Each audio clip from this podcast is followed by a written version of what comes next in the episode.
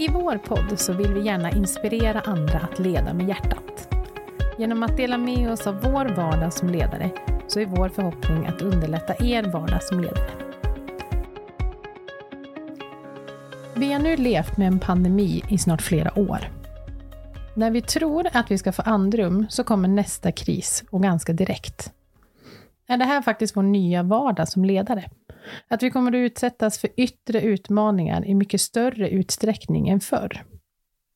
Idén om det här avsnittet den har kommit till för att vi fått frågan om just det här behovet som finns för en debrief.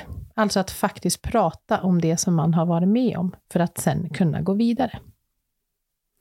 Både jag och Pernilla var ju i allra högsta grad i mitten av den här pandemin, där våra enskilda företag vi arbetar på drabbades väldigt hårt. Det var många miljoner som förlorades och många medarbetare som tyvärr fick sluta. Och Pernilla, i den här pandemin så skrev du en artikel där du riktade dig till alla oss ledare. Och vi vill gärna att du delar med dig av den idag. Ja. Jag eh, kommer ihåg att det här var den 31 mars 2020. Jag eh, har lagat middag till min familj och stressat fram middagen. Och sen när allting är klart så är ingen hemma. De är fortfarande kvar på träning och lite andra saker. Så att jag får ett litet andrum. Och jag är så fylld av känslor. Um, fylld till tårar och ja, jag kände mig väldigt, väldigt känslosam. Så att i det här mellanrummet, innan min eh, familj kommer hem, så känner jag att jag vill sätta det här på print. Jag kände en eh, stark känsla av att jag ville dela mina känslor som jag hade med andra ledare där ute. För jag visste att jag hade det så tufft och då förstod jag att det finns många, många där ute som har det precis som mig. Och då skrev jag en artikel som jag döpte till En ledares hjärta. Jag vaknar upp måndag morgon och tänker på ett avsnitt av tv-programmet Expeditionen. Toppen är nära, men nästan alla deltagare har gett upp och en reporter frågar Sanna Kallur Hur känns det för dig? Med tårar i ögonen och gråt i halsen svarar hon Det är bra, jag har krafter kvar, men jag önskar att jag var som de andra och också bara kunde ge upp. Men jag kan inte. Just så känner jag mig nu. Jag orkar. Jag har kraften att sätta en fot framför den andra. Men jag önskar ibland att jag bara kunde ge upp. Mitt leda, ledarhjärta verkar. Det verkar av ovissheten och över vad som händer i världen just nu. Det verkar för att jag oroar mig för nära och kära. Det verkar för att jag vill att mina anställda ska få behålla sina jobb. Det verkar för att jag ser hur det vi byggt upp tillsammans håller på att raseras. Det verkar för att jag tänker på framtiden och hur den ska bli för mina barn. Det verkar för dig, för alla de ledare där ute som är i samma situation som jag är just nu. Som du. Jag vill att du ska veta att jag tänker på dig, för jag vet hur du har det just nu.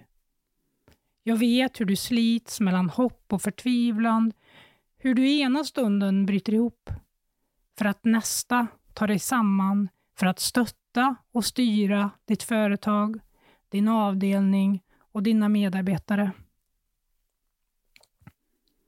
De senaste veckorna har vi ledare fått fatta enorma beslut baserat på fakta vi fått bara några timmar tidigare. Planeringshorisonter har gått från år, kvartal och månader till dagar, timmar och minuter. Jag vet att många av er ena stunden sitter med en arg kund som drabbats av situationen och nästa tvingas meddela en anställd att hen inte får behålla sitt arbete. Vet också att flera av er genomfört stora varsel och förändringar för att sedan själva bli varslade. Allt detta samtidigt som stressen för tillräckligt med pengar i kassan tränger sig på. Efter mitt morgonkaffe, snart det enda trygga som återstår, får jag ett sms från en branschkollega. Som även han står inför stora, enorma utmaningar med sitt företag. Han skickar styrkekramar på min måndag morgon, för han vet att min dag kommer att vara extra utmanande just idag. Han påminner mig om allt fantastiskt som jag och mitt team åstadkommit med vårt företag de senaste åren.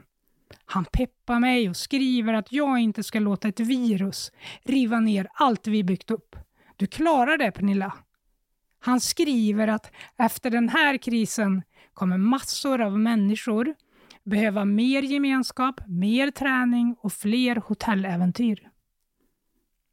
Han får mig att tro på framtiden igen, att orka en dag till.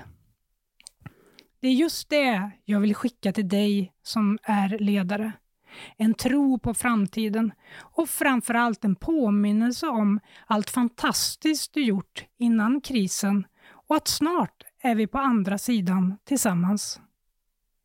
Jag vill påminna er som är ledare om att ta hand om varandra, stötta varandra. Skälp inte varandra, utan hjälp varandra.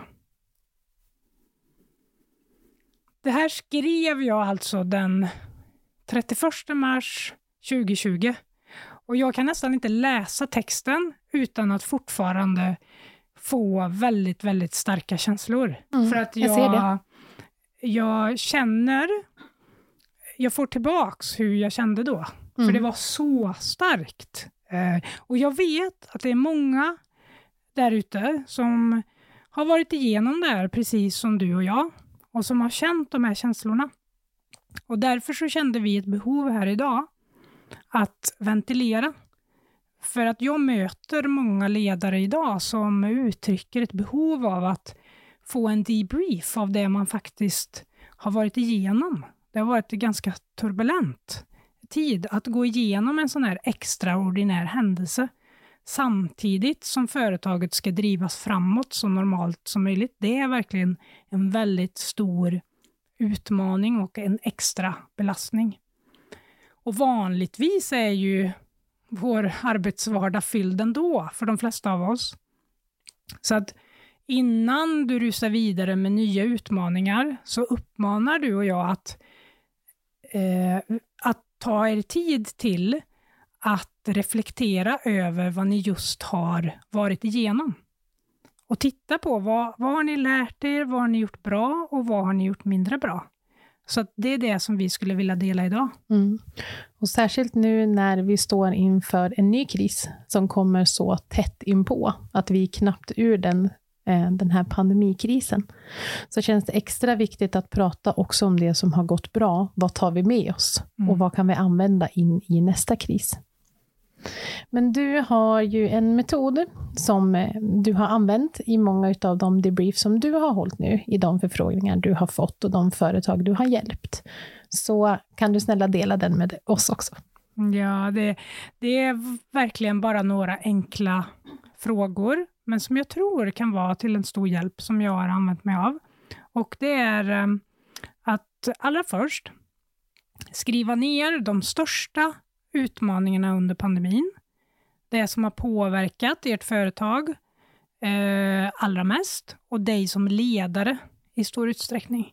Och jag uppmanar att man gör det här enskilt för sig själv, men det största och viktigaste, gör det här tillsammans med ditt team.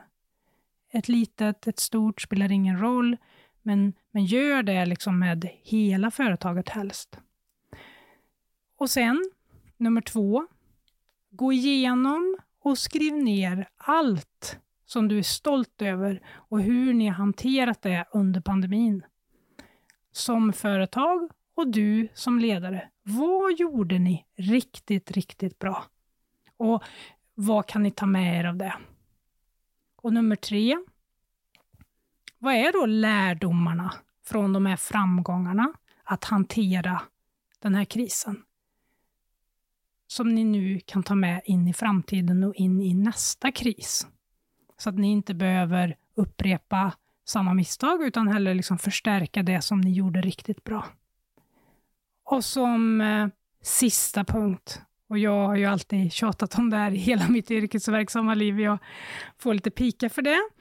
Men jag tycker att ni också ska bestämma hur ni ska fira det här. För att eh, både du som ledare, men också hela ditt team har faktiskt lagt ner en extra ansträngning. Det har varit en mental påfrestning på många olika sätt. Vi går inte in på de detaljerna här nu, för det har vi pratat om i tidigare avsnitt, men det har varit extraordinärt.